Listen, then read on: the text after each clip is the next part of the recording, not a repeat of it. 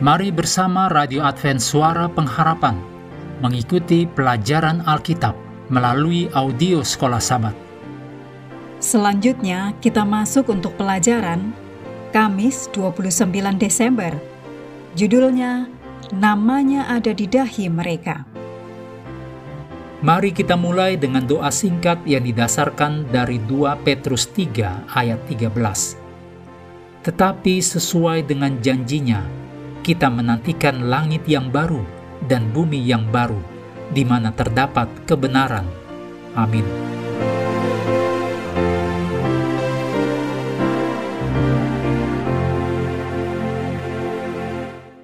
Dalam Wahyu 22 ayat 3 sampai 5, di ayat 4 dituliskan namanya, yaitu nama Tuhan, akan tertulis di dahi mereka.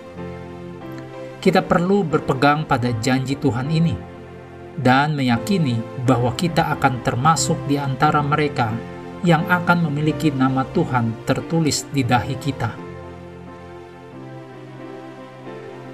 Setelah pemberontakan Lucifer dan kejatuhan Adam dan Hawa, Tuhan bisa saja menghancurkan kedua orang berdosa itu.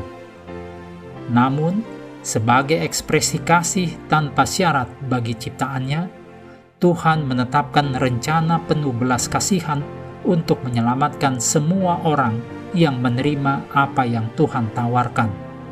Inilah yang dikenal sebagai rencana keselamatan, yang bahkan sudah ada sebelum dunia diciptakan ditulis dalam Efesus 1 ayat 3 dan 4, 2 Timotius 1 ayat 9, Titus 1 ayat 2, dan Wahyu 13 ayat 8. Rencana keselamatan ini pertama kali disampaikan kepada umat manusia di Eden, tepat setelah peristiwa kejatuhan.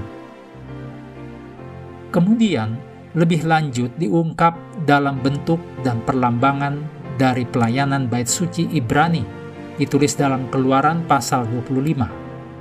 Dan kemudian hal itu dinyatakan sepenuhnya dalam kehidupan, kematian, dan kebangkitan Yesus. Ditulis dalam Roma pasal 5. Pusat dari rencana keselamatan adalah janji kehidupan kekal berdasarkan jasa Yesus kepada semua orang yang menerima dengan iman pemberian besar Yesus di kayu salib. Sebelum salib, betapapun banyak perbuatan baik yang dilakukan, itu merupakan ekspresi iman untuk keselamatan. Setelah salib, keselamatan selalu melalui iman dan tidak pernah melalui perbuatan. Paulus menulis tentang Abraham yang sudah ada jauh sebelum kedatangan Kristus sebagai contoh keselamatan oleh iman dituliskan dalam Roma 4 ayat 2 dan 3, sebab jikalau Abraham dibenarkan karena perbuatannya, maka ia beroleh dasar untuk bermegah, tetapi tidak di hadapan Allah. Sebab apakah dikatakan nas kitab suci?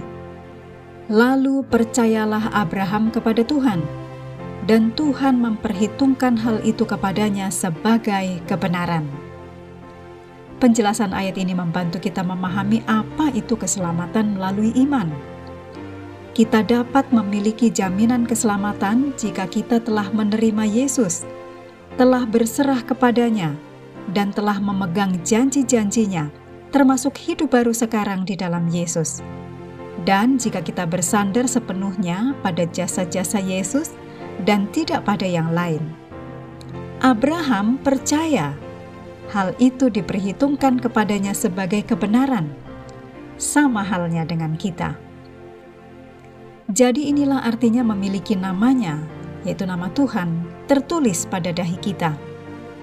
Jika saat ini kita memiliki nama Tuhan tertulis dan tidak berpaling darinya, maka nama Tuhan itu juga akan tertulis pada dahi kita saat di sana, di langit yang baru, dan juga di bumi yang baru. Mengakhiri pelajaran hari ini, mari kembali ke ayat hafalan kita dalam Wahyu 1 ayat 17 dan 18. Ketika aku melihat dia, tersungkurlah aku di depan kakinya, sama seperti orang yang mati.